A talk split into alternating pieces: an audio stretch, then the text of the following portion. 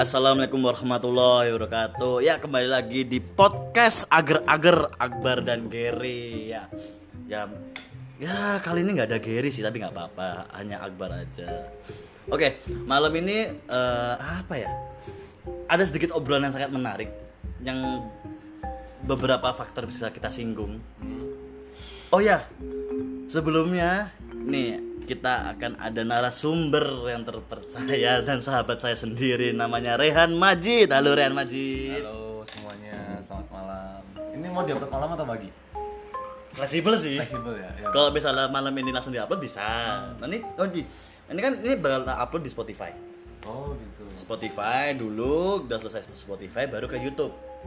Oh jadi yang itu kan sudah pernah buat teasernya ya? Teaser nggak teaser sih? Ngobrol santuy itu?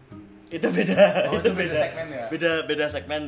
Oke. Itu kan yang ngobrol santai kan tempat Akbar pribadi Hmm. dan mungkin kurang ada jalan atau rezekinya.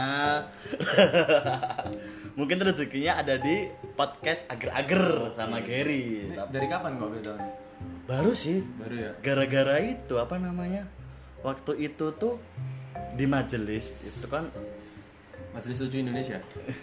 bukan itu bukan itu bukan. bukan ya majelis yang uh, aku ikutin lah uh, apa kayak semacam religi atau spiritual buat aku pribadi Oh, oh, ya. kalau Rehan mau gabung juga bisa Iya siap siap siap. loh kita tuh terbuka lah jadi Sama jangan para para Habib. para ya nggak para para juga ya para para ya orang-orang biasa untuk katakanlah mengejar akhirat Oh, iya. hehehe. Mantap, dunia tuh jangan terlalu dikejar terus. Kamu tuh ya. harus harus kejar akhirat juga. Jadi gitu sih Han. Jadi kan untuk apa ya ini tuh sebagai media sharing lah. Ah. sharing untuk kita berdua atau nanti sharing untuk orang lain juga kan bakal kita publish. Oke. Ini jadi Rehan ini adalah sahabat saya semenjak SMA Karena ya. dulu, karena dulu SMP nggak kenal. Iya, oh ya SMP itu kita satu SMP padahal, tapi nggak terlalu kenal sih, nggak terlalu akrab. Mungkin ya gara-gara beda kelas sih mungkin ya Han. Iya, betul. Hmm. Dan mungkin beda pergaulan juga.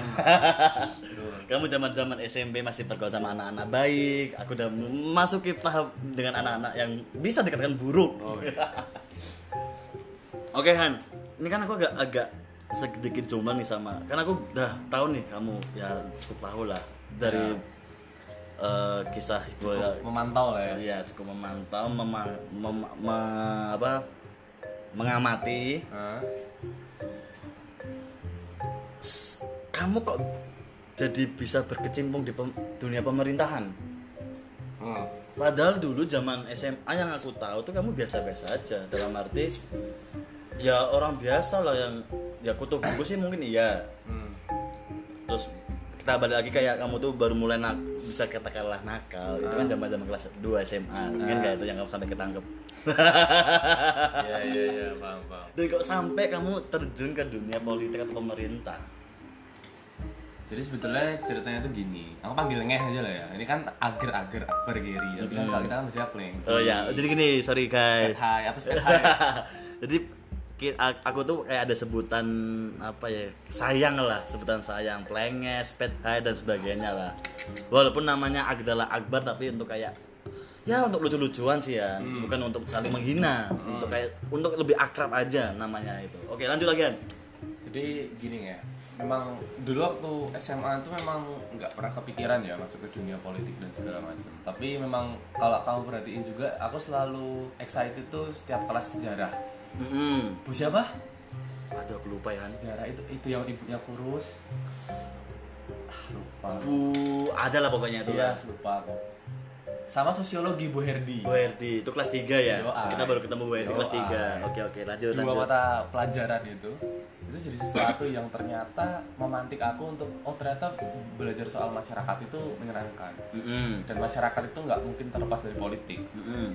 karena secara umum kalau kita mau mengartikan politik dengan sederhana itu ya itu bagaimana cara kamu mendapatkan sesuatu Mm-mm. lewat jalur-jalur yang disebut politik kayak gitu untuk mencapai kebahagiaan dan segala macam itu menurut uh, uh, para ilmuwan di Yoni kuno hari itu seperti itu tapi lebih jauh sebetulnya kenapa harus uh, mendalami ilmu pemerintahan jelas aku nggak bisa membohongi bahwasanya fakultasku hari ini berpengaruh besar ya karena aku kan di UMY nih ceritanya Oh, kamu nih. di UMY. Ah. Oke, oke, oke. di UMY jurusannya IP ilmu pemerintahan Hmm. aku dulu nggak pingin di situ karena dulu kan ya namanya setiap anak Jogja pasti pengennya UGM gitu Betul sekali, UGM, UNY, Iya. atau swasta paling ya UII. Iya, karena dulu UMY nggak bisa terdengar bahkan UMY dulu waktu nyari mahasiswa pun sampai datang ke sekolah kita kan dulu Betul. buka tes segala macam itu kan indikasinya bahwa nggak ada yang daftar gitu gitu atau masih sedikit jadi kemudian ya udah tiba-tiba di IP UMY dan makin mendalami sesuatu yang dulu aku sukai sejarah sosiologi dan segala macamnya itu sih kenapa akhirnya aku berkecimpung di pemerintahan Oh, karena kamu suka dengan itu. Iya, aku merasa aku dengan jurusanku itu cocok, nggak pernah ngerasa salah jurusan, nggak pernah apa ngerasanya pas ya. Aku suka ini, baca bacaanku seperti ini dan yang di kelas aku pelajari seperti ini. Jadi di kelas aku nggak pernah ngerasa boring. Ngalir aja.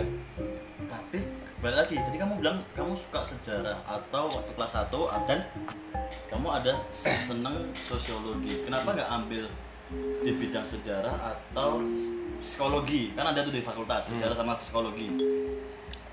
Kenapa larinya ke pemerintah? Apakah itu ada semuanya atau untuk pelarianmu untuk mendalami lebih jauh lagi? Sebetulnya di fakultasku itu kita nggak cuma belajar soal pemerintahan, kita juga belajar soal politik. Mm-mm. Dan sedangkan segala sesuatu yang hari ini kita jalani itu nggak terlepas dari urusan politik. Mm-mm. kita hari ini bisa podcastan pakai HPmu ini ini HPmu itu yang menentukan harganya sekian juta itu juga kesepakatan politik bagaimana ketika ini HPmu apa nih Samsung. nah Samsung ketika dari Korea Korea Selatan masuk ke Indonesia Hmm. itu cukainya bagaimana dan segala macam masuk ke pasar ada pajak dan segala macam yang menghasilkan harga hari ini itu kan kesepakatan kesepakatan politik Mm. hari ini juga lockdown dan segala macam ini kan kesepakatan politik meskipun dalam level yang paling rendah Mm. ada masyarakat nih kumpul-kumpul sama Pak RT dan segala macam ngobrol-ngobrol segala macam ketika terjadi kesepakatan ya itu kesepakatan politik Mm. kayak gitu-gitu jadi politik itu sifatnya sangat universal itu pertama jadi segala sesuatu yang kamu pelajari itu aku rasa ada di situ Mm. kamu ngomongin uh, soal politik bisa sampai pariwisata. Gimana kemudian kuota pariwisata misalnya? Kenapa Labuan Bajo diproyeksikan sebagai wisata kelas atas gitu? Oh. itu kan semua kan ada segmentasinya Ya, ya, ekonomi betul, politik dan segala macam. Itu pertama. Jadi aku merasanya aku di sini seperti belajar banyak hal. Itu pertama. Dan kemudian aku nggak ngambil sejarah atau sosiologi karena apa ya? Pingin sih dulu. Aku dulu awalnya ambilnya sosiologi di UGM tuh pilihan pertama tapi ya itu tadi Nggak keterima. nggak keterima Eh, sambil ngerokok nggak apa-apa loh nih. nggak apa nggak apa Kita santai aja ngobrolnya. Nggak terlalu- jangan, jangan terlalu sepaneng lah. santuy sambil diminum juga loh Oke oke siap siap siap. Oke. Di pemerintahan kamu saking excited banget nih sama pemerintah. hmm. Terus sam kan mesti di fakultas itu mesti ada ormas-ormasnya. Hmm. Nah, dan aku dengar kamu tuh masuk shopping. Nama satu salah satu nama ormasnya shopping. kalau di kampus organisasi kemahasiswaan kalau Oh. ormas itu sudah tatarannya di luar misalnya Pemuda Pancasila walaupun Pemuda Pancasila di kampus punya lokus untuk mahasiswanya terus kayak FPI dan segala macam itu namanya ormas Muhammadiyah itu pun ormas NU itu oke, ormas oke. Berarti tidak Jadi tidak beda. ada sangkut paut sama fakul ke kampus berarti si shopping ini atau masih ada? ada organisasi kemahasiswaan itu ya isinya mahasiswa kalau misalnya organisasi kepemudaan berarti ya bisa mahasiswa bisa yang sudah post student kalau yang lebih luas misalnya untuk uh, pekerja dan segala macam yang bergabung itu ya itu di organisasi kemasyarakatan tapi kalau untuk di kampus itu terutama di kampusku kebanyakan ikutnya organisasi kemahasiswaan Oke. kayak gitu Terus kenapa shopping? Kenapa nggak ada yang lain gitu yang lebih kamu tertarik? Apakah ada satu hal yang kamu harus di shopping nih? Atau ini nih untuk menambah wawasanku selama untuk di dunia pemerintahan ada di shopping. jadi mungkin sebetulnya ini pertama kali ya aku ngomongin alasan kenapa aku masuk shopping ini pertama di podcast ager-ager ini berarti eksklusif ini. eksklusif ini konten Oh ini konten. karena karena sebetulnya eh, aku pertama kali masuk shopping itu mungkin nggak ada yang banyak yang tahu tahu-tahu mungkin orang-orang melihat Wehan gue lagi demo terus, Wehan gue diskusi terus dan segala macam, gue melu opo dan segala macam. Tapi nggak ada yang tahu kok tiba-tiba bisa ke situ. Jadi ini bermula saat aku maba. Ketika kita jadi mahasiswa baru itu di UMY itu termasuk salah satu kampus yang menyediakan banyak pilihan organisasi mahasiswa Mm-mm. ya disesuaikan aja sama passion sama pandangan hidup sama pandangan politikmu misalnya begitu. Apa yang rasa kamu cocok? Kenapa kamu ikut? Di kampusku ada organisasi yang berbasis agama masalah Islam Islam. Kayak gitu. Ada yang apa namanya bisa dikatakan eh, organisasi kiri karena ke- kemudian alat bacanya banyak pakai eh, gagasan-gagasan sosialisme kah, marxisme dan segala macam banyak. Pokoknya itu beraneka ragam dan itu nggak salah. Jadi pertama yang perlu kita eh, bahas di sini sebelum terlalu jauh biar nggak menampilkan multi tafsir dan segala macam. Betul. Di dunia pendidikan itu kamu nggak ada yang salah ketika belajar apa pun. Kamu mau belajar dari komunisme sampai kamu belajar Islam radikal itu nggak ada yang salah karena itu sifatnya ilmu cuy. Maksudnya kita hari ini gemar memusuhi membenci menghujat sesuatu itu tanpa kita belajar misalnya kita menghujat satu dan dua tapi ketika kita ditanyaan kenapa kamu hujat? Kenapa kamu benci? Ya nggak tahu aku benci aja. Ternyata kita membenci karena stigma masyarakat karena kita diajarkan untuk membenci dan segala macam tanpa belajar. Nah kemudian eh, dari berbagai macam pilihan itu singkat cerita bla bla bla bla bla ketemu kakak tingkat dan segala macam diajak ke shopping. Shopping itu kalau ada yang tanya shopping itu apa shopping itu sudah singkatan solidaritas untuk orang pinggiran dan perjuangan kampus Ya, singkat cerita kami diskusi lah di situ dan aku menemukan apa yang selama ini aku pelajari, aku gemari, aku baca, bisa aku lakukan di situ. Mm-mm. Diskusi, ngobrolin soal ini itu ini itu, kita bisa bertukar pikiran. Oh, bukannya begini ya? Oh, bukannya begini ya? Kalau menurutku begini, kalau menurutku begini. Belajar berbeda pendapat itu yang paling fundamental aku belajar di shopping. Kita hari ini sering berantem cuma gara-gara beda beda pendapat betul dan di shopping aku belajar untuk menghargai perbedaan pendapat. Kadang kita sudah ngobrol panjang lebar tiba-tiba ada oh saya nggak sepakat. Karena menurut saya gini kita baper sakit hati nggak ngomong lagi cabut dan segala macam. Padahal di budaya intelektual apalagi mahasiswa kita harus akrab dengan hal seperti ini dong. Misalnya kamu diskusi sama orang nih kamu saya bantah terus kamu marah. Kan itu nggak lucu. Maksudnya ketika kamu marah itu membuktikan kamu nggak punya argumentasi untuk membalikan itu. Maksudnya mengcounter argumentasi tesis dilawankan dengan antitesis kalau seperti itu nah yaudah akhirnya aku merasa cocok di situ dan segala macem. Singkat cerita akhirnya bergabung. Itulah seperti itu awalnya. Jadi saya menemukan kecocokan dengan apa yang saya sukai dengan apa yang saya gemari. Apalagi saya di IP banyak belajar hal politik pemerintahan kemasyarakatan banyak dibahas di shopping. Jadi saya ngerasa saya sebetulnya banyak kuliahnya itu di shopping. Oh gitu malah? Saya ngerasa seperti itu pribadi kenapa gitu? Karena shopping yang ngajarin saya untuk pentingnya membaca. Saya belajar pentingnya literasi itu di shopping kamu kalau nggak baca kalau kamu nggak biasa diskusi nggak baca nggak biasa menulis ketika kamu berhadapan dengan orang kamu nggak bisa ngapa-ngapain. Kamu nggak punya wawasan. Hmm oke oke. Sedangkan orang itu ya yang dinilai wawasannya. Kamu dalam hal apa pun deh kamu ngomongin soal hotel misalnya kamu pernah di hotel kan? Mbak? Hmm. kamu kalau ditanyain soal sesuatu yang berkaitan dengan hotel nggak bisa jawab pun ya aku rasa orang pasti ini orang perhotelan gimana sih kok ditanya soal kenapa harga sekian kenapa kebijakannya sekian kebijakan begini begini kok kamu nggak bisa jelasin kan lucu. Misalnya kamu bisa kenapa begini? Kenapa begini? Kamu bisa jelaskan kan asik. Itu kan ngomongin soal wawasan. Betul. Pun saya aku ngerasa udah ini ngomong soal wawasan dan ngalir. Jadi ketika aku di kelas gitu aku rasanya kayak oh ini yang kemarin diskusiin. Oh ini kemarin yang aku baca. Oh aku udah pernah nulis soal ini. Jadi aku nggak pernah merasa ketinggalan materi di kampus. Hmm. sekalipun aku skip gitu misalnya ya. Malah yang dibahas ya aku tahu dan segala macam pernah aku pelajari pernah bi- bisa dipelajari lagi. Jadi ngomongin soal belajar itu nggak selesai di kampus. Kamu bisa belajar di kampus bisa belajar di sekre bisa belajar di warung kopi sesuatu yang menyenangkan. Jadi nggak perlu apa-apa harus kampus kamu punya banyak ruang untuk bereksplorasi ketemu dengan orang-orang baru ketemu dengan komunitas-komunitas baru.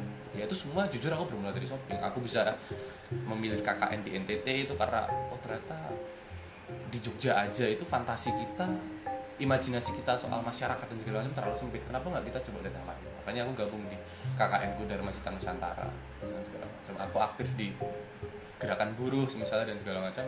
Ya sama juga dorongannya dari shopping menulis membaca pun dari sana.